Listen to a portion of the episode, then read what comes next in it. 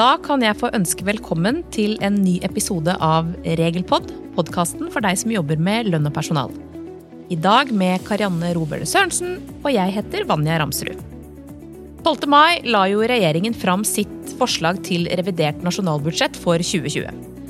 Eh, nå skal jo dette behandles av Stortinget først, og så skal de fatte sine vedtak. og Det skjer vel først i slutten av juni. Men vi skal likevel se litt på de forslagene som spesielt berører oss som jobber med lønn og personal. Vanja, vi må jo også ta med oss eh, de nye særavtalene. Statens særavtale for reiser har jo kommet, endelig. Så vi skal si litt uh, hvorfor vi er så glad de endelig har kommet, og, og hvem som skal bruke de. Men vi får vel begynne med revidert, da. Ja, vi kan gjøre det. De forslagene jeg skal se på, de knytter seg jo kanskje primært til den ekstraordinære situasjonen som vi har kommet i pga. koronasituasjonen. Eller koronapandemien, som vi også kaller det. Jeg tenkte først jeg skulle se på dagpenger. For det er jo sånn at uh, Koronapandemien og de tiltakene som har blitt iverksatt i den forbindelse, de har jo ført til en kraftig økning av arbeidsledigheten. Det er eh, opplyst at siden 12. mars så har faktisk eh, over 430 000 personer søkt om dagpenger. Og så er det jo sånn at eh, Dagpenger er jo også en begrenset, eller er jo en midlertidig ytelse, så mange nærmer seg nå maksgrensen for å kunne motta dagpenger. Og da skal det jo egentlig ut i arbeidsmarkedet igjen. Så er det jo sånn at Når usikkerheten på arbeidsmarkedet er så stor som den er nå, så er det klart at de som skal ut igjen, de vil risikere altså Det vil jo bli stor konkurranse om jobbene. Det er jo denne situasjonen her da, som dette forslaget forsøker å avhjelpe gjennom nå å utvide perioden med dagpenger. Og Perioden med dagpenger den har vært utvida også tidligere i forbindelse med koronapandemien. Det skjedde nå i vår at man utvida eller forlenga dagpengeperioden ut juni for noen grupper som da var i ferd med å nå maksgrense. Men nå foreslås det nå en, altså en ytterligere forlengelse ut oktober i denne situasjonen her. Parallelt med at man utvider dagpengeordningen, så utvider man også perioden som eh, en arbeidsgiver kan permittere sine ansatte, for her er det jo begrensninger i utgangspunktet. Det er jo sånn at man har en eh, maks fritaksperiode eh, for lønnsplikt, som er på 26 uker i løpet av en 18 måneders periode. Men nå ønsker man også å forlenge denne perioden da ut, ut oktober, på samme måte som da dagpengeperioden. Eh, det siste jeg tenkte jeg skulle nevne, det er eh, noen forslag som har kommet eh, rundt dette med arbeidsavklaringspenger. Det er jo sånn at Arbeidsavklaringspenger er jo i utgangspunktet en midlertidig ytelse. Man får det sånn som en hovedregel i tre år. Men så har det også en regel i, i, i arbeidsavklaringsreglene som går på at man kan fortsette å motta arbeidsavklaringspenger selv om man har nådd grensa på tre år, i inntil seks måneder i den perioden som man er arbeidssøker.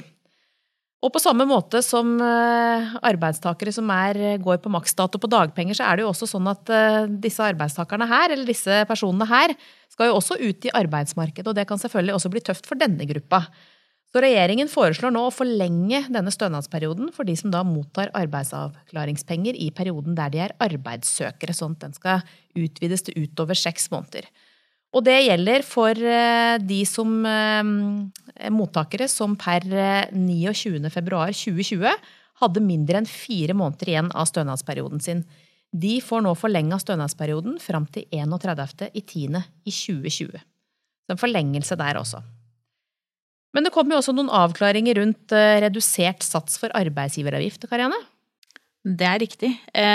Når denne krisen inntraff oss alle, og alle ble berørt, så var det jo mange arbeidsgivere nå som, eh, som eh, har problemer med å betale regningene sine. Og et av de tiltakene som raskt kom på banen, var jo at man ønsket en redusert sats for arbeidsgiveravgift i én termin. Så har man jo sagt at eh, detaljer rundt dette skulle komme i revidert. Og det gjorde det, og det blei vel sånn som det var forespeila. Man vil da senke arbeidsgiveravgiften med fire prosentpoeng for termin tre, altså mai og juni. Og det gjelder uansett hvilken sone du ligger i og hvilken sats du har. For de som ligger i sone fem med satsen null, de vil eh, heller få et tilskudd basert på arbeidsgiveravgiftsgrunnlaget sitt på 4 eh, Vi har fått mange spørsmål om eh, hvordan man skal løse dette som arbeidsgiver. Og der skal man i utgangspunktet ikke gjøre noe nå. Bare rapportere som vanlig, og så vil det skje en reberegning hos skatteetaten. Det som er kommentert, det er jo de som eh, har forskuttert typisk sykepenger i termin to og får tilbake nå via refusjon fra Nav. Eh, hva da? Eh, skal de komme dårligere ut? Nei, sier skatteetaten. Her vil vi også ta høyde for det når vi reberegner det nye kravet om, om arbeidsgiveravgift. De har lagt ut litt informasjon om dette og laget et eksempel på sine sider. Så der kan man gå inn og se. Frist for betaling av arbeidsgiveravgift for termin to er jo utsatt, så der er fristen 15. august. Og så sier man også at fristen for termin tre er utsatt til 15. oktober.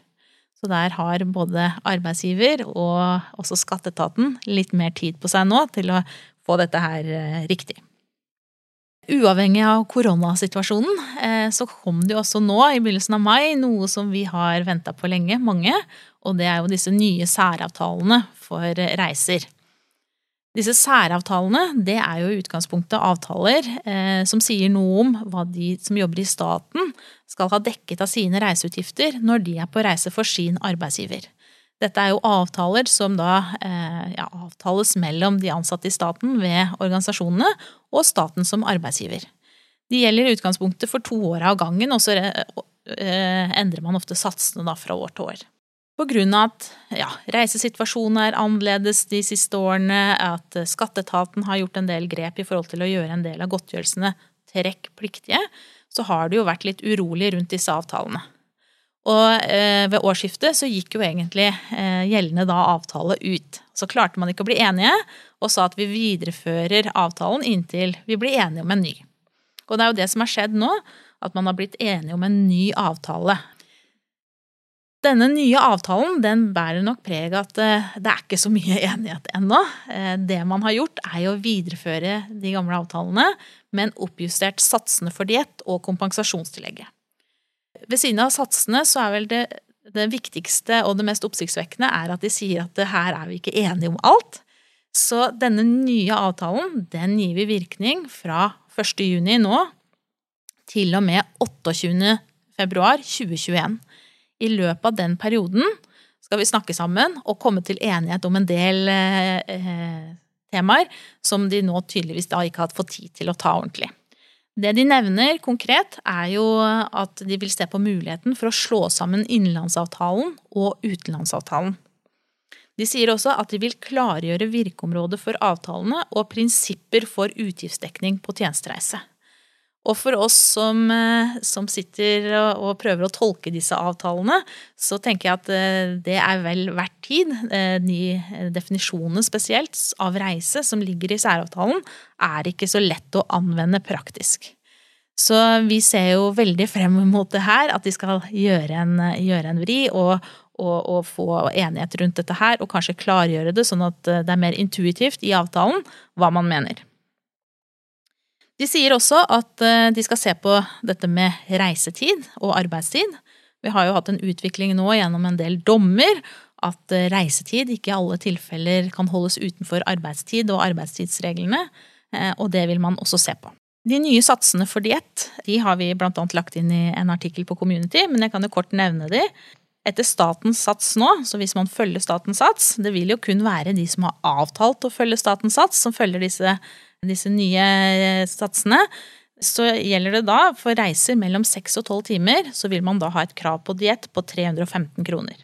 Er man på reise over 12 timer, men uten overnatting, så er ny sats 585. Det vil jo bare være de arbeidsgiverne som via avtale eh, har forplikta seg til å følge det, eller at man må følge det via tariffavtalen, eller at man stat, eller jobber i stat og kommune, at disse satsene gjelder. Eh, er det reise med overnatting, så er det 801 kroner som er den nye satsen.